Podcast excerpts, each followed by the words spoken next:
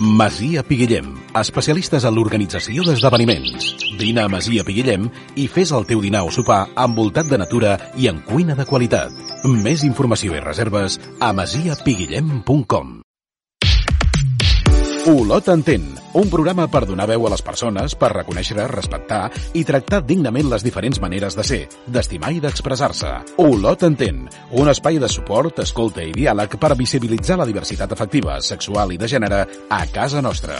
Un programa de Ràdio Olot pels drets de les persones LGTBI, amb el suport del Servei d'Atenció Integral per la Diversitat Afectiva, Sexual i de Gènere del Consorci d'Acció Social de la Garrotxa. Tens preguntes, dubtes o suggerències? Vols explicar la teva experiència? Posa't en contacte amb nosaltres a través de les xarxes socials de Ràdio Olot. Olot entén. Escolta'l els dimecres a dos quarts de dues del migdia i sempre que vulguis al podcast de radioolot.cat. Ràdio Olot, ara i sempre compromesos amb la societat.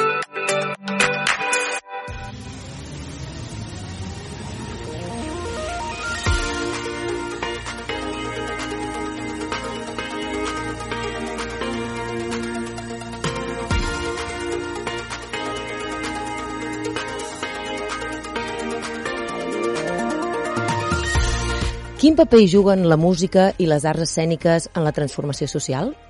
Reflexionar sobre el procés creatiu, el llenguatge visual i el posicionament vers la temàtica és important i determinen què veurem després en escena? Les arts interpel·len, fan aflorar, possibiliten anar més enllà de la raó. A on? Al cor? A l'estómac? On sigui, però directament a l'emoció.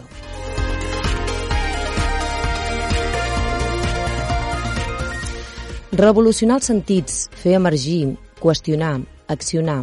Per tot això, és tan necessari que des de la cultura i les arts s'aprofitin escenaris, mitjans i institucions per sacsejar consciències i fer d'altaveu de realitats invisibilitzades i silenciades.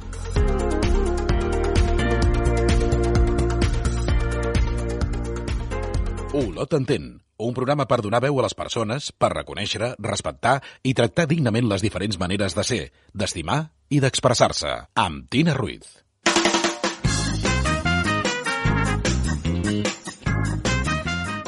Avui a Olot Entén ens acompanya la Clara Penya Rigolfes. Ella és pianista, compositora, activista.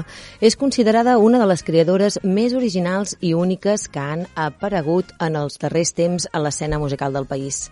Divertida, rebel, apassionada, sensible i moltes, moltíssimes coses més. Clara, benvinguda al programa. Hola, què tal, Tina? Com estàs? Estic molt bé i molt contenta de que estiguem juntes compartint aquest Olot Entén avui. Jo també. Clara, eh, ets pianista i et desplegues en diverses vessants artístiques, com a pianista, però també en escenes, en arts escèniques com el teatre, la performance, sí? Eh, tens una companyia que es diu Les Impossibles, amb l'Ariadna, la teva germana, eh, però a part d'això, explica'ns alguna cosa més de tu. Bueno, és que ho has definit molt bé, no? Jo, a part de tot el que has explicat, també sóc activista i, per tant, crec que crec en l'art com a eina de transformació social i principalment intento que el jo es converteixi en nosaltres. Que això és un concepte que, que crec que és important, no? Que, que, no, que no... O sigui, com a persona que surt a l'escenari, és evident i, i qui ho negui doncs serà una mica estrany que qui surt a l'escenari és perquè el mirin, no? perquè, perquè l'escoltin, perquè té algú a dir, no? Però jo crec que en aquest, en aquest mirar o escoltar crec que ens hem de, de fer molt responsables del que diem, no? I, i com el, el nostre com el, el nostre espai doncs, l'omplim de contingut. No? Jo, jo, jo penso molt en això, no? en convertir l'espai que jo tinc, que és el, des del jo, gener, generant espais per totes en el sentit doncs, de generar pensament crític o de visibilitzar coses que, que crec que són importants i principalment doncs, sabent que, que pot ser referent doncs, doncs, utilitzar aquest referent per, per, obrir, per obrir referents, no sé com explicar-ho, utilitzar aquest espai per, per, per obrir, per obrir. Jo crec que la paraula és obrir. Mm -hmm. Jo crec que això ho aconsegueixes, Clara, en aquest posar-t'hi a tu, no? aquest jo, però també aquest nosaltres, aquest jo i la resta, no? l'altra gent. Si ens centrem aquí a Olot, hem tingut la sort de gaudir-te i, i presentant alguns dels teus discs, com pot ser Oceanes i Estómac, per exemple. En, en ells, cada cançó regalima d'amor i, i tot el que comporten les relacions. En aquest sentit, com entens tu això de les relacions íntimes, de les relacions afectivo-sexuals? Per què creus que tenim aquest desgavell en aquest sentit? Bueno, a veure, jo no, no ho entenc, lo de les relacions, o sigui, mmm, no ho entenc. La paraula entendre també a vegades és molt racional i també les coses s'han d'entendre d'una manera més emocional. Jo no, no ho entenc, però crec que és normal que no s'entengui perquè som filles d'un sistema molt heteropatriarcal i, i jo crec que aquest és el desgavell principal que tenim com a societat en tots els aspectes, no? que això ens vertebra d'una manera que, que ens desordena molt. No? Jo penso que, que malgrat jo no ho entengui, crec que el que és més important o més eh, transformador és mm, generar llibertat dic llibertat i la poso entre cometes, bueno, no, la poso entre cometes perquè, perquè no sé ni el que és la llibertat, no? però eh, crec que, que s'ha d'obrir espectre en tot això, s'han d'obrir noves maneres i per, per lo que dèiem abans, pel tema dels referents per tema dels referents. Tu podries, estaries d'acord amb mi si, si en dir que estem molt mal educades pel que fa a les qüestions eh, relacionals, afectives, sexuals? Home, i tant. 100%. O sigui, estem realment molt i molt mal educades en aquest aspecte i, bueno, és evident no, que, que, que no, a l'escola ens ensenyen continguts eh, sovint absurds però no es parlen d'emocions. Jo almenys, jo sóc de l'any 86, vull dir que ja fa uns anys que vaig anar a l'escola, però no vaig parlar mai d'emocions, no em van explicar mai doncs, que com es vivia una pèrdua, no? No em van explicar mai que em podia sentir com volgués o... De fet, ens, ens, ens, ens ensenyaven a, to, a, a, a totes i, el mateix, no? Jo pensava, si són persones diferents, per què ens ensenyen el mateix, no? I jo sovint estava fora de la classe perquè, clar, jo sóc hiperactiva, jo només necessitava anar a donar una volta corrents al pati i tornar, però això no era permès, no? I, bueno, llavors jo era un problema col·lectiu. Doncs així mil coses, no? Hmm. No ens ensenyen a ser, a ser com som, ens ensenyen a ser com volen que siguem. I hmm. aquest és el gran drama un gran drama, i tant, en comptes de poder ser qui som, no? o, o que se'ns acompanyi en aquest explorar la persona que som, eh, moltes vegades que ens haguem d'encursetar no? en, en normes, en estructures, en, en maneres de fer, de ser i estar. Hm. Uh, Clara, escolta, tu penses que l'amor romàntic afecta per igual uh, a totes les persones? Uh, ja sigui eh, pel que fa eh, a nivell individual o personal, no? pel, pel gènere o, o també a nivell relacional, ja sigui en la dinàmica d'una relació heterosexual o en altres tipus de relacions no heterosexuals? Clar, bueno, sense cap dubte que clar que afecta el gènere. Vull dir, quan naixem no, en aquest codi binari que vivim i que esperem que algun dia rebenti, però quan naixem es llegeixen com a homes i com, o com a dones i decideixen que ens sociabilitzaran com a homes o com a dones, no? Només hi ha aquestes dues opcions i a part trien per tu, no? I evidentment que les persones que ens hem sociabilitzat com a dones, doncs hem... Bueno, ens hem sociabilitzat, és que ens hem sociabilitzat tan diferent que que els homes, doncs, que evidentment en el, en el tipus de relacions això afecta. Per tant, els patrons que segueixen les relacions de dos dones, no? el típic bollodrama no? que se li diu, o el, el, les relacions que afecten amb, el, amb, jo què sé, amb les parelles de dos homes o d'home-dona, evidentment són molt diferents. Això no vol dir que, evidentment, que, o sigui, després ve la típica persona que em diu bueno, doncs jo tinc una amica que ho ha passat molt malament i ha plorat molt perquè... Bueno, molt bé, perfecte, però jo parlo d'una cosa global, no? que sempre aquí arriben els individuals, no? I, i jo crec que, que jo crec que m'he perdut.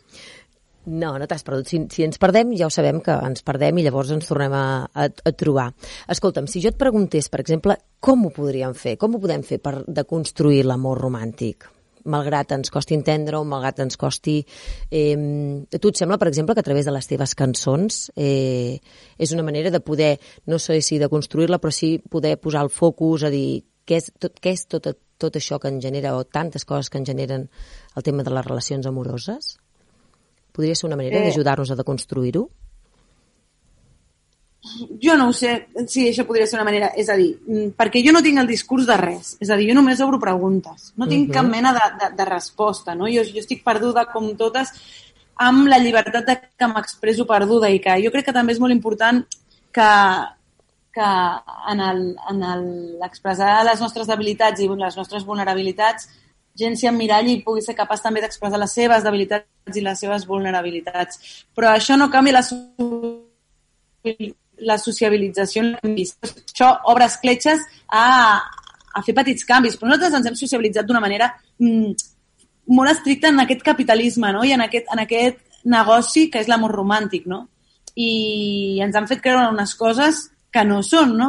I que a part no tenen a veure amb les cures i no tenen a veure amb, amb l'estimar-se de veritat, sinó tenen a veure amb un, amb un mercat laboral, no sé com dir-ho, no? I, I llavors jo crec que aquí hi ha un, un camp a explorar brutal sobre com ens podem realment eh, cuidar en això de l'amor, no? Perquè d'alguna manera crec que el que, el que passa... Mira, la Belolit hi ha, hi ha una cosa que, que m'agrada molt que diu, que és per què no posem exploració sexual en la parella i amor en les relacions esporàdiques, no? Això m'agrada molt perquè no representa que tu un dia te'n vas amb algú i, i, i estàs una nit, una nit amb aquell algú i després ja te n'oblides, no? O que quan tu tens una parella les, la, la, la, la, el tema del, del, del sexe doncs es va com a, no? I de cop és com, vale, girem les coses, no? No pretenguis fer amb algú que no coneixes eh, o sigui, si no el coneixes de res, cuidem-nos i posem cures en aquesta, en aquesta trobada, en, aquesta, en aquest moment, no? I, i després l'exploració sexual, doncs, posem-la també, omplim de sexe eh, o de relacions d'exploració sexual, doncs, la parella, no? Evidentment que cadascú faci el que vulgui, no? Però, per exemple, totes, tots aquests paràmetres a mi em semblen super il·luminadors i, i que obren moltes obren moltes, moltes maneres de, de, de veure les coses molt diferents. Ara per ara, clar, a part de l'educació sexual que rebem, és nula. És que, clar, és que què, què fem amb tot això? Si és que tenim uh mhm. -huh. un cabàs ple de coses que no sabem ordenar, que no sabem filtrar i que, i, i sobretot en el camp emocional, no? Uh mhm. -huh. Clar, m'agrada això que comentes, Clara, perquè, per exemple, això que, que diu la, la Bel no, no ho havia sentit, però sí que, a més, enllaçant amb el que dius, no? Vivim un sistema neoliberal on el tema del, del capital, del consum, també, evidentment, ens travessa en, en les dinàmiques relacionals, no? I aquest... Eh, eh, no caure en aquest consumir eh, també cossos, consumir efectes, no? I, i el que dius tu de posar també, no? de tenir en compte les cures al centre, d'evidentment gaudir les nostres, la nostra sexualitat o els nostres efectes com vulguem, tenint-nos en compte, cuidant-nos, però també cuidant a la persona o les persones amb les que, amb les que hi ha aquesta relació, no? Total. No, no, ara estava pensant, és que tota la raó, Tina, perquè és que també hi ha un tema que és com, com d'alguna manera eh, ens, culpabil, ens culpabilitzem d'algú que no és culpa nostra, no? I aquí, aquí podríem entrar en l'època que estem, no? També, de dir, ostres, he d'anar amb compte per no contagiar, no sé què, no sé quants, ens estan responsabilitzant, clar que ens hem de responsabilitzar, però ens estàs culpant a nosaltres de que aquest virus existeix? Ojo, ojo. O sigui, anem a, a, a intentar responsabilitzar-nos del que realment ens pertany i el que no ens pertany no és nostre, no? I d'alguna manera, bueno, jo crec que aprendre a posar límits, eh, acabar amb el tema de les possessions, no? Eh, entendre que entendre doncs, que, que no és un fracàs la soledat o, no sé, molt, moltes coses, milions de coses que, que, que, que, que, que han de fer un gir absolut, no? Eh, posar també o sexualitzar cossos més adults, no? Eh, uh -huh. No creure que el sexe és una cosa de, de, de, de, de, de, de, de persones joves, no? sinó que, eh, no sé, necessitem per això, per això el tema dels referents, tornem-hi. Jo necessito referents de, de, de, de, o sigui, jo trobo molta bellesa en cossos de gent més gran que representa que ja no està... O sigui, i, i no trobem referents d'això. Tots els referents estan... L'altre dia veia que havien reproduït l'escena d'una pel·lícula del Tom Cruise eh, que, que van gravar quan, quan teníem 25 anys o 30, no me'n recordo, i l'han reproduït ara als seus 60. Doncs la dona l'han canviat. Han agafat els actors els mateixos, però la dona com que era una dona que semblava l'edat que tenia, és a dir, 60, eh, amb un cos no normatiu, amb els cabells grisos amb canes, han decidit que en posarien una altra que tingués 58 anys, que és la mateixa edat que ella, però que semblés que en té 38. Clar, mm -hmm. és a dir, quan nosaltres veiem a la Jennifer López o a la Madonna als escenaris, no estem aplaudint una dona gran eh, perquè està als escenaris, estem aplaudint una dona gran perquè no sembla l'edat que té. El que aplaudim és aquest fet. I aquí és on ens hem, ens hem de... O sigui, bueno, bueno, jo, jo suposo que és que no sé per on començar. Mm, no, però tot això, tot, això, tot això que dius eh, ja és un començar. I jo crec que és un, un, un més enllà d'aquest començar, no? És el que comentaves abans també en relació que no, no, no ens afecta per igual, no? En funció de quin és el gènere que amb, amb el que se'ns ha marcat, com dius, no? No és, no és igual la referència que es fa d'aquest home com del, de la dona, no? D'aquest actor o aquest, aquesta actriu. Bueno, per, per començar, el, els homes eh, amb 50 anys són maduritos, estan supersexualitzats. Eh, el George Clooney, jo no sé quants anys fa que surt a les revistes de, de, com a sex símbol i, i a les dones les estem superinfantilitzades i, i a partir dels, dels 35-40 ja no se'ns veu, no? I jo crec que aquí també és un... Ens hem de responsabilitzar, dramaturgs i dramaturgues, fer papers per, per, per dones que expliquin les seves històries en aquesta edat, no? que no siguin les filles de, les dones de, les mares de, no? Uh -huh. D'alguna manera, bueno, hi ha un, un camí molt bèstia a explorar que és molt necessari, sobretot per aquests... Bueno, eh, l'altre dia llegia que el, el diagnòstic de patologies o de dissidències mentals més alt estan les dones entre 40 pocs i 60. Uh -huh. Clar, bueno, doncs perquè són les eternes invisibilitzades en aquesta societat, no? Representa que hi ha un moment que un cop ja, bueno, que no, que no, que no, no són útils en aquesta societat, no? Representa, o això és el que de manera absolutament mm, amagada ens fan veure, no? Mm -hmm. Clara, tu fa un moment parlaves de, de la importància de, de persones que puguin ser referents, no? que siguin referència per altres. Eh, jo considero que tu ets una persona que, que, ets, que ets referent a dia d'avui de, de moltes persones. Eh, en aquest cas, la qüestió de la teva estètica, que és andrògina, que, que és una estètica masculina, però tot i així et defineixes o et reconeixes en algun, en algun, en algun posicionament de gènere o no? És a dir, Eh, jo en realitat em sento còmoda en el rol de dona i de fet durant molt temps per mi fer política ha estat eh, visibilitzar la dona des de la seva mm, feminitat no normativa, no? És a dir, eh, les dones tenim expressions de gènere eh, diverses i la meva expressió de gènere és aquesta i no per això sóc menys dona. I aquesta ha sigut la meva lluita durant molt de temps, no? Molt eh, important, molt necessària. El que passa que jo crec que... Sí, molt necessària. No és suat ni res, també t'ho dic, no? Però després, per altra banda, sí que penso que eh, el món es mou, no? I, i crec que és important doncs, que mm, les reflexions de les noves onades que venen jo no sé què m'hagués passat a mi o com m'hagués sentit jo en 20 anys si hagués tingut la possibilitat de ser eh, una persona no binària, eh, gender fluid o una persona eh, trans. Jo no ho sé el que m'hagués passat. Jo ara em sento còmode amb qui sóc, però però també crec que fer política és eh, entendre que el gènere no és important i que, per tant, mm, crec que amb, amb, amb, una, identitat, una identitat no binària també podria estar molt còmoda. I també hi ha un altre tema. Jo quan... Això sempre ho explico, però crec que és molt important. Quan, quan em donen la casella d'home, dona, others, no? Others, i fica en anglès perquè aquí a Espanya no passa, saps? Això passa en els aeroports, saps? O jo què sé, o quan...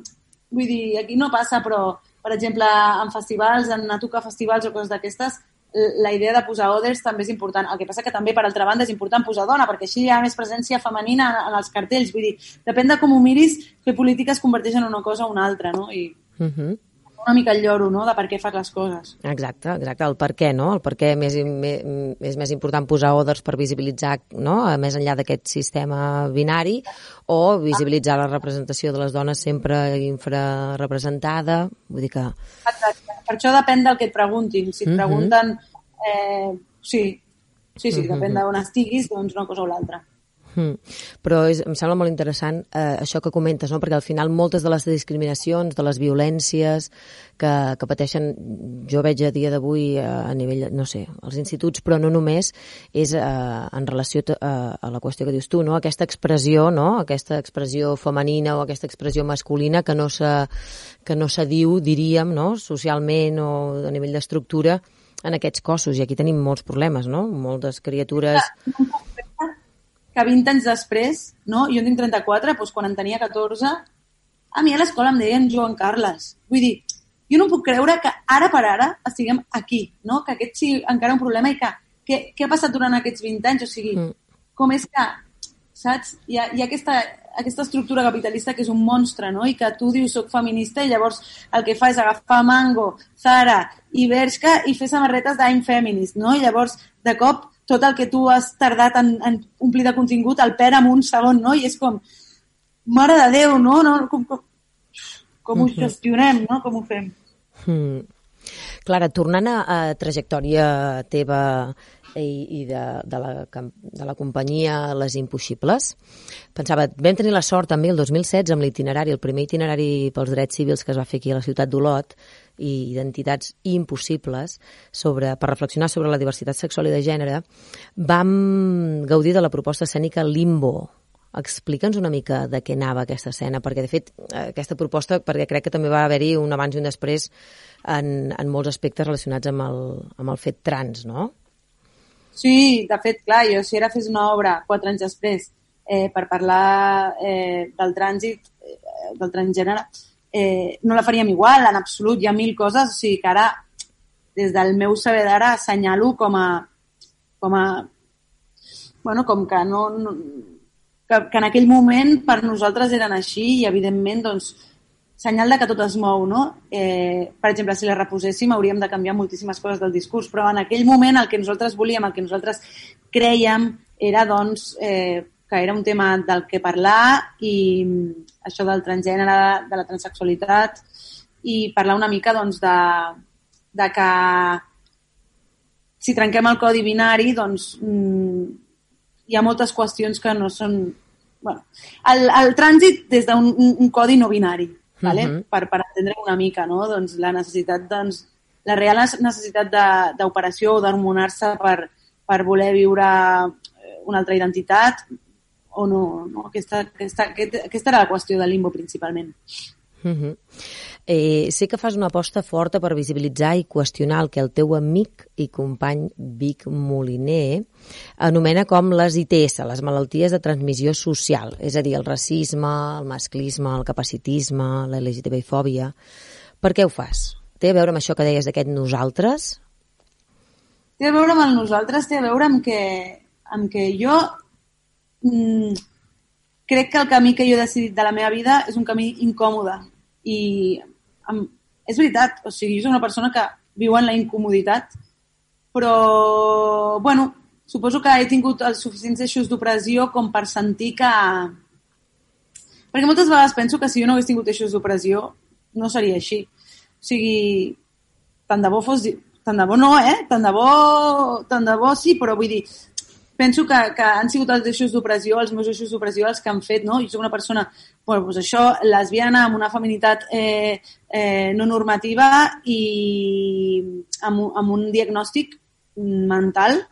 Vull dir que tot, tots aquests eixos fan que, que m'hagi sentit perifèrica, no? En la perifèria, no? I que per això eh, la necessitat de d'entendre o de realitzar, o sigui, la necessitat de que totes siguem iguals i de que totes tinguem les mateixes oportunitats i, evidentment, estem, estem anys llum de que això passi, però tot el que si puguin ser mini passos que puguem fer, doncs, abraçar-los. Jo crec que el tema de la comoditat és important, no? L'haver decidit... Jo sé que vivint d'una altra manera estaria més còmoda, però estaria més còmoda, però però és que no em sentiria bé, no sé com dir-ho. En, en realitat, crec que és un camí sense sortida, no?, on estic. Mm -hmm. És que Mhm. no ho faig així, no em sento... No em sento bé, no em sento... No em Mhm. sento bé, no, no, no puc sentir-me bé, no? I, I el de la incomoditat crec que és important, perquè hi ha molta gent que ens sentim incòmodes al, al viure, no? I, i d'alguna manera fer aquestes coses em fa estar una mica més en pau, no? Amb mi i amb el món. Uh -huh. bueno, és aquest compromís, no? Aquest compromís i aquesta, aquesta aposta que fas tu pel que dius, no? Des d'aquest eh, lloc on, que ocupes, en el que pots també doncs, veure que pots trastocar i transcendir a nivell social, no? Eh, estàs, eh, abans esmentaves també eh, un altre projecte, per exemple, de les impossibles és aquest, el de Sweet Talk número 6, que parla de les cures, que parla dels diagnòstics, que parla de l'estigma, de les malalties mentals, que l'altre dia llegia les de Pica Magazine, en diuen patiment psíquic. És una crítica al sistema, a una societat No. malalta a la que tanta gent hi està adaptada, no? És a dir, que, que és això, vull dir que al final mm, aquest problema del, dels diagnòstics o aquesta, aquestes etiquetes una vegada més, no? Respecte Sí. M'agrada molt això que, que dius. Nosaltres no parlem mai de... Parlem de dissidència mental o de patiment mental. Crec que eh, el, no parlem de malaltia i crec que les persones que tenim diagnòstic, doncs, bueno, el tenim perquè hem anat al psiquiatre, no sé, d'alguna manera és la qüestió, el que qüestiona el Sweet és mm, es post, es, com podem estar sanes en una societat que no ho està, no? Uh -huh. I, bueno, hi ha gent que no té diagnòstic, però que, bueno, que li surten ronxes per la pell dels nervis o que, jo què sé, vull dir, vull dir, podríem dir mil coses, no? Que li cau el cabell o que té atacs d'ira o que... Uh -huh. Bueno, mil coses, no? Bueno, jo tinc un diagnòstic i, i també jo crec que el potent de Sweet Talk és parlar i de la xarxa, de les cures, i parlar molt de donar valor, posar en valor les persones que estan cuidant, no? Perquè, de fet, una de les coses que he pensat i que he reflexionat a través de Sweet Talk és que eh, hi ha alguna del diagnòstic que a vegades, o en el meu cas, perquè, perquè vull ser prudent en aquest aspecte, però té a veure amb, amb, amb ser egoista, d'alguna manera, no? Jo, a mi m'ha canviat absolutament la meva relació amb el meu trastorn, que és el trastorn obsess- obsessiu-compulsiu, que és el TOC, en el moment en què he sigut capaç de mirar més enllà de mi, no? En el moment en què he sigut capaç d'obrir obrir el, els ulls i mirar més enllà de mi, mirar a les persones que, que tenia al voltant i que estaven amb mi, mirar quines eren les seves necessitats i mirar com se sentien, no he pogut traspassar això, no? I de cop, bueno, el, el, el, el patiment, si se'n va més enllà de tu i si a sobre et sents útil per poder també sostenir o també cuidar, això et dona una perspectiva i un veure les coses des de fora que a mi m'ha anat superbé, o sigui, ha sigut -huh. la millor medicina. Hmm. Ets una valenta, Clara, ja t'ho he dit moltes vegades. Escolta'm, eh, l'any passat et van donar el Premi Nacional de Cultura i vas aprofitar-hi, ho vas aprofitar perquè fos també altaveu de veus silenciades. És així? Ens ho expliques una mica? bueno, em van donar un premi nacional perquè sóc una senyora quota i com a senyora quota que em van donar el Premi Nacional vaig pensar que era... No, jo estic molt contenta. Jo, jo, jo em, em, em, em va costar saber si acceptar-lo o no acceptar-lo. També d'acceptar una cosa, que és que jo, malgrat sigui dissident, sóc dissident des de dins del sistema, no? O sigui, qüestiono el sistema estant a dins, no? I hi ha moltes maneres de fer-ho, tu pots estar fora, no? Jo, jo he, he triat estar dins i fer-ho des de dins i, per tant, si ho faig des de dins, que millor que aprofitar aquell altaveu per, per fer una, unes, un bon repàs no? de, com, de com estava el panorama i, i bueno, no sé pas si això no sé pas si ha canviat alguna cosa, vull dir, nosaltres no deixem de ser un, un país, quan dic el nostre país perquè diu Premi Nacional, doncs un país burgès, intel·lectual, no? I llavors, bueno, crec que qui pot accedir a aquests premis doncs, són les persones que compleixen una sèrie de requisits als quals jo compleixo, no? I de tota manera doncs, els anava molt bé per això, no? Perquè era una bona quota, però no deixo de ser una pianista clàssica i qui toca el piano clàssic no, no deixa de ser una persona intel·lectual i burgesa, per tant, una quota que els hi sortia molt bé. Mm -hmm. Però bueno, jo vaig aprofitar l'espai i gas. I els diners, evidentment, que, que em van donar, doncs els vaig utilitzar per, per, per seguir fent espectacles de, de caire social, perquè la veritat és que són bastant precàries al nostre sector. Mm -hmm. Escolta, Clara, abans parlàvem d'alguns dels teus discs i sé que ara al febrer presentes el nou, que es diu Perifèria i que s'inspira en, el espai, en els espais de pas, en els marges, en allò, dius tu, que no hem volgut mirar, allò normatiu, aquests no llocs, aquests espais buidats. Hi ha una frase que quan vaig veure el teaser em va quedar, que deies costa encaixar en una societat que veu la diferència com una amenaça és que així és, no? D'alguna manera, doncs, jo he hagut de, jo he hagut de canviar, mmm, desaprendre moltes coses que havia après, no?, sobre la diferència, no? Jo me'n recordo quan era petita i veia algú amb, que anava amb cadira de rodes, em feia por, em feia por, saps? O sigui, eh, hem de, hem, hem de desestructurar el nostre cap, hem de desaprendre tantes coses i una d'aquestes és la clau pel canvi global és aquesta, no? entendre que la diferència no és una amenaça, sinó és una, una cosa que ens enriqueix profundament. No?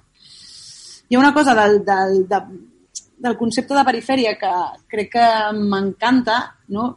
vull dir que m'encanta, no m'agrada el resultat, però m'agrada explicar-ho d'aquesta manera, que és que en les ciutats, no? parlant d'urbanisme, quan hi ha un nucli, eh, i es vol eixamplar el nucli, el que es fa és posar la, tirar la perifèria més cap als marges. En comptes d'incloure aquesta perifèria i fer el nucli més gran, aquesta perifèria se'n va als marges. No?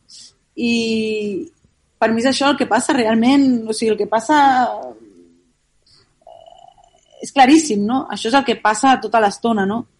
I no sé com fer-ho perquè no passi, però bueno, almenys explicant això, jo crec que és supervisual uh -huh. i, mhm. que, i que tots ens, ens venen un, un munt d'imatges i un munt de, de persones que per les seves diversitats, per les seves diferències, doncs no tenen ni veu ni, ni vot, ni, ni, ni, se les, ni se senten representades bueno, a nivell, evidentment, doncs, escènic, a, a nivell, en tots els nivells, no? Vull dir, clar, necessitem presentadores de tele amb diversitats, eh, necessitem que s'expliqui històries de persones transexuals, necessitem que, mil coses, no? que les persones migrades eh, se, se les escolti, saps? Necessitem mil coses, mil coses, que no sabria per on començar. Vull dir, mm -hmm. he dit tres exemples dels 40.000 que se m'acudeixen. Mm -hmm. Escolta, i aquesta presentació, eh, hi ha algun secret, hi ha alguna cosa que hem d'estar atentes, no? Hem de tenir, estar atentes al febrer. Sí, sí, sí, sí, al febrer hem d'estar atentes perquè a principis de febrer sortirà el, el nou single i aquest nou single té una col·laboració, té tres col·laboracions, però té una col·laboració important de caire social que crec que, que és guai i jo estic contenta, no? Perquè sí, jo crec que les coses es poden fer de moltes maneres, no? I, i jo estic contenta perquè em sento molt tranquil·la en que estic intentant fer les coses el millor possible, no? Ara ja han passat uns mesos i ja veig moltes coses que podria canviar, però, però crec que el que farem pot servir una mica de, no sé, una mica d'idea per altres artistes que, que, que puguin i vulguin també doncs, col·laborar amb altres... Bueno, és que no puc explicar gaire, per tant, Secret. al febrer ja...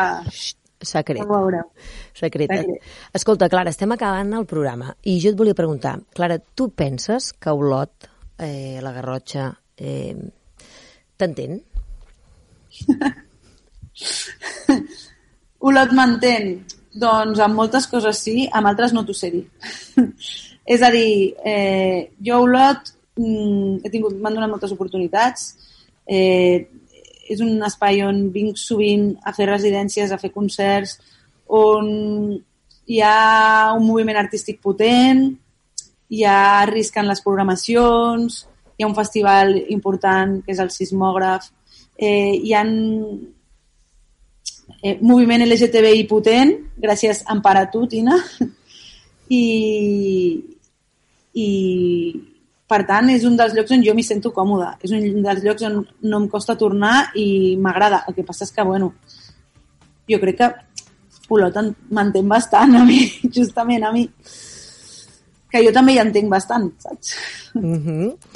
Molt bé, Clara, doncs moltíssimes gràcies per haver-nos acompanyat avui i ja ho saps, sempre és un plaer tenir-te per aquestes terres de volcans i esperem retrobar-te aquí ben aviat. Gràcies a vosaltres.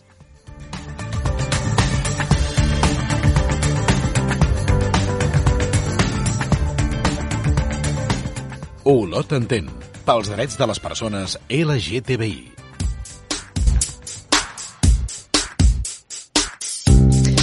I avui, per acabar, ens, eh, ens acomiadem amb una recomanació musical. Clara, quina és aquesta recomanació? Mireu, jo després de tant activisme necessito una mica d'aire fresc, necessito una mica de respirar. Eh, us recomanaré a la Rigoberta Bandini. Ella és catalana, però es diu Rigoberta Bandini i us recomano un tema que es diu In Spain we call it Soledad. En España lo llamamos Soledad. És un tema que no és en anglès, és en espanyol. Però, bueno, és un tema que a mi em fa molt riure, que em dona un subidon que flipes, que me'l poso quan estic de mal humor i que m'encanta la producció i m'encanta el tema. Així que disfruteu-lo. Doncs amb aquesta cançó ens tornem a trobar la setmana vinent a Olot Entén. Hi. I just want to say hello. I was just taking a walk.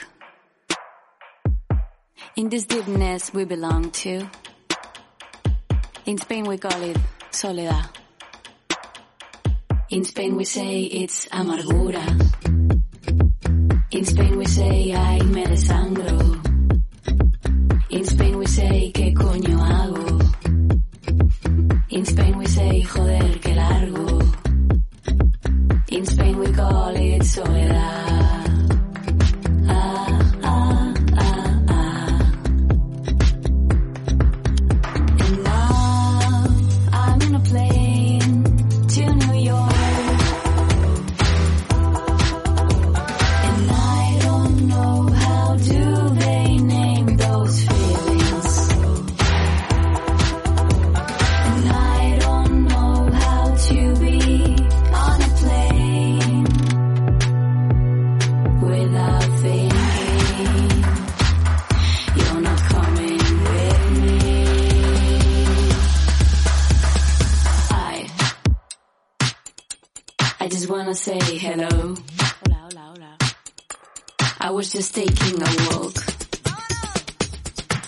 In this sickness we belong to. In Spain we call it soledad. In Spain we say it's amargura. In Spain we say ay qué desastre. In Spain we say ay me desangro.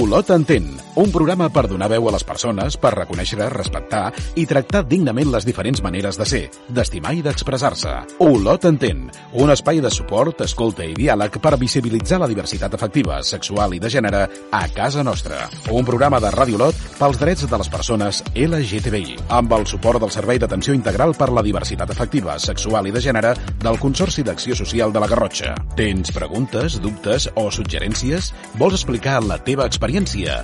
Posa't en contacte amb nosaltres a través de les xarxes socials de Ràdio Olot. Olot entén. Escolta'l els dimecres a dos quarts de dues del migdia i sempre que vulguis al podcast de radioolot.cat. Ràdio Olot, ara i sempre compromesos amb la societat.